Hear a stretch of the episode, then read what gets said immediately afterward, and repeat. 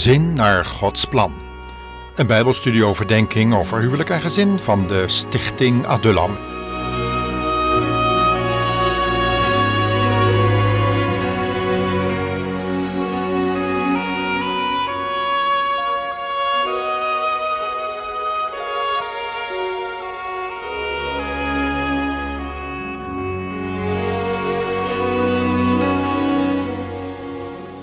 Een gesprek met een huisvrouw die de Heer Jezus in haar levenshuis heeft toegelaten, komt de Heer bij verschillende ruimtes in de kamer, maar ook bij de kastruimtes.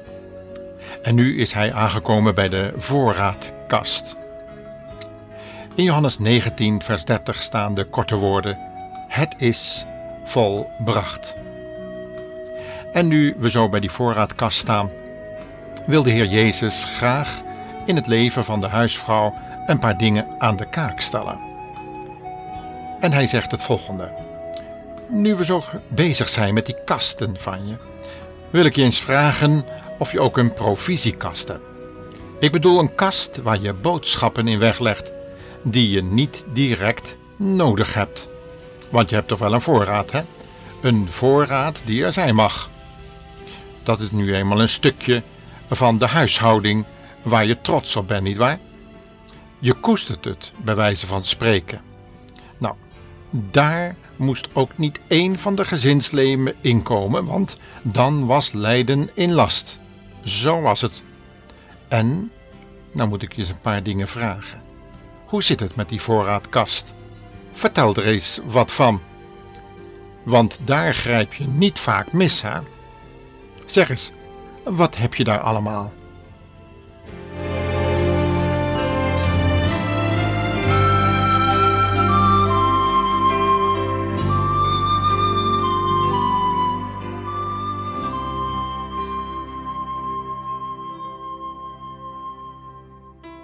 Ik had een doos met zeeproducten. Ik had een blik met koffie. Ik had een hele plank met blikken en een plank voor flessenwerk. Zo noemde ik dat. Ik had, ja, ik had die voorraad van mij prima voor elkaar. Toen we er samen voor stonden, zei de heer: Fijn, keurig dat je deze kast zo op orde hebt. Dat je zorg draagt dat er een voorraad in huis is. En als er momenten zijn dat je ze nodig hebt, heb je ze ook bij de hand, hè? Nou ja, ik zie wel dat je groeit van trots. Maar weet je wat ik nu zo graag zou willen? Dat je een geestelijke voorraadkast hebt, want dat is wel net zo noodzakelijk voor een kind van mij. Maar wat kan je daar nu in hebben? Denk eens na. Weet je, je zult ontdekken dat er ogenblikken in je leven komen, ook nu, in het nieuwe leven, dat je het allemaal niet meer ziet zitten. Dat de Bijbel je er niets meer van zegt. Zo, dat gevoel heb je dan, hè? dat de stille tijd je niets meer zegt. Dat je het gevoel hebt helemaal leeg te zijn. Dat je niets meer van je geloof voelt. En dat je niets meer in je geloofsleven ervaart.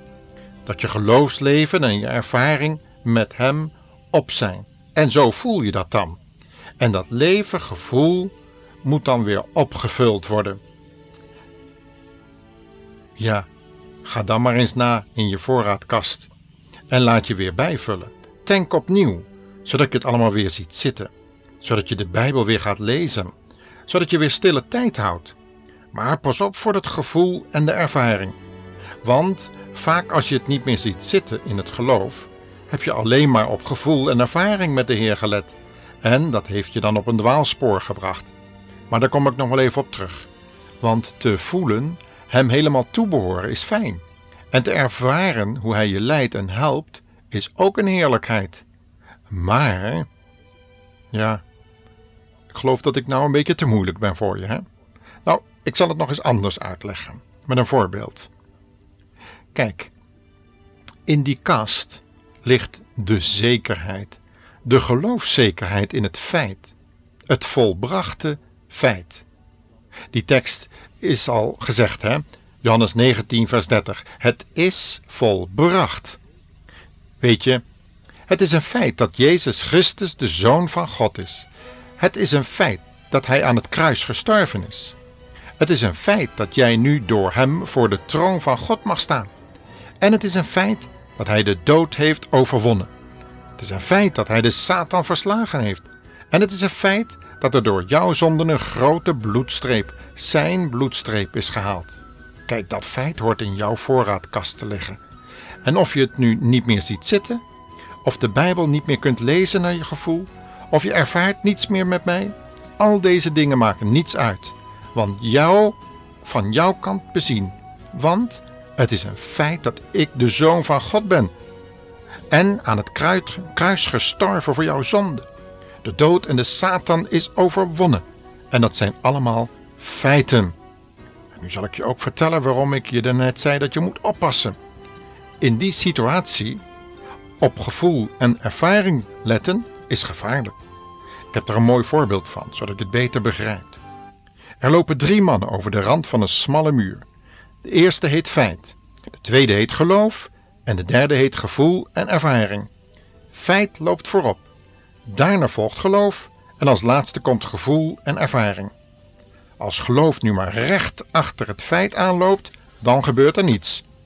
Maar kijkt geloof achterom naar gevoel en ervaring, dan valt hij van de muren. Geloof moet steeds naar het feit kijken, steeds achter hem aangaan, dan zit het wel goed. Kijk, zolang dat feit in die voorraadkast van jou ligt, is het goed. Begrijp je wat er ook in je geloofsleven gebeurt? Dat je altijd kunt putten uit de feiten die echt gebeurd zijn. Kijk dan niet achterom, waar gevoel en ervaring gebleven zijn, die helpen je dan niet. Alleen het feit zal je erdoor helpen en dat mag je geloven. En wie is de man die voorop loopt over die muur, denk je? Wie is dat feit? Ja, ja, dat is de Heer Jezus. Zorg ervoor dat de heilsfeiten als het ware in je voorraadkist blijven liggen.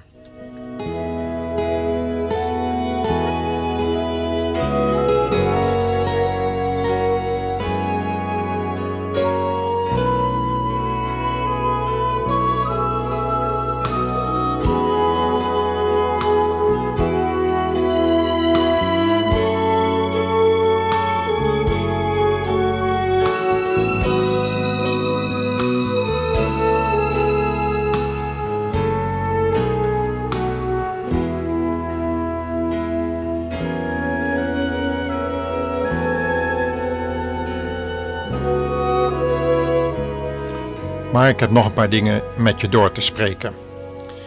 Kijk, al die dingen die zojuist gezegd zijn, die gelden voor de situatie als je niets meer hebt.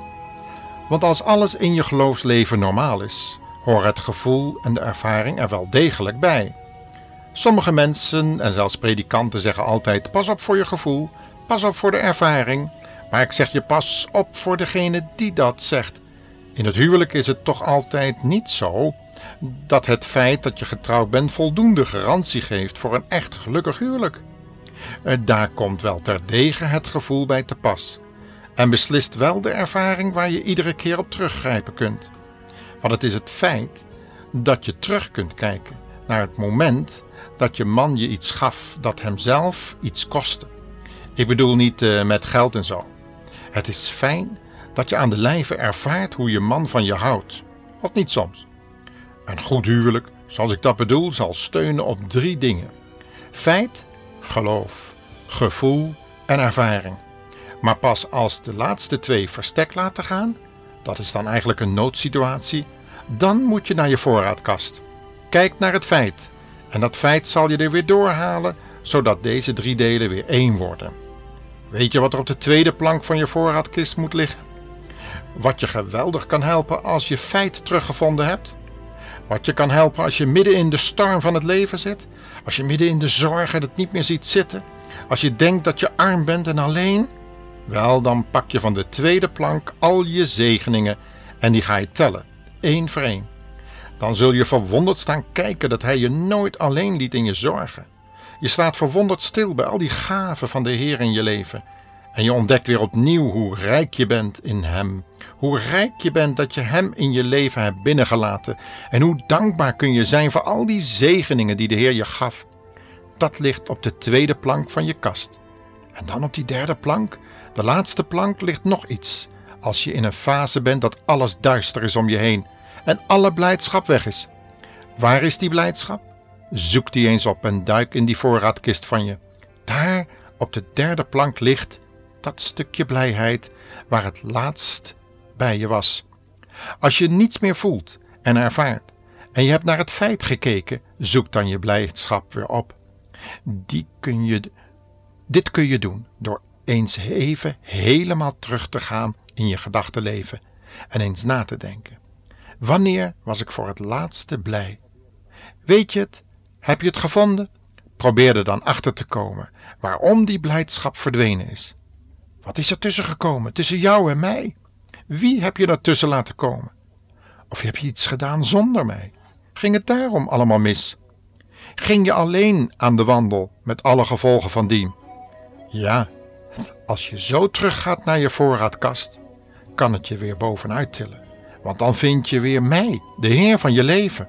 Ah, wat een rijke kast, vind je niet?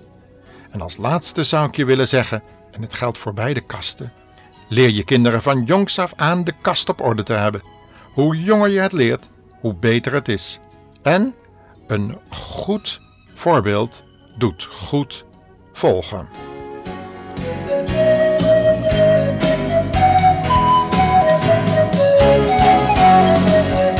Wat heb ik een tijd nodig gehad om mijn voorraadkast op de juiste manier gevuld te hebben?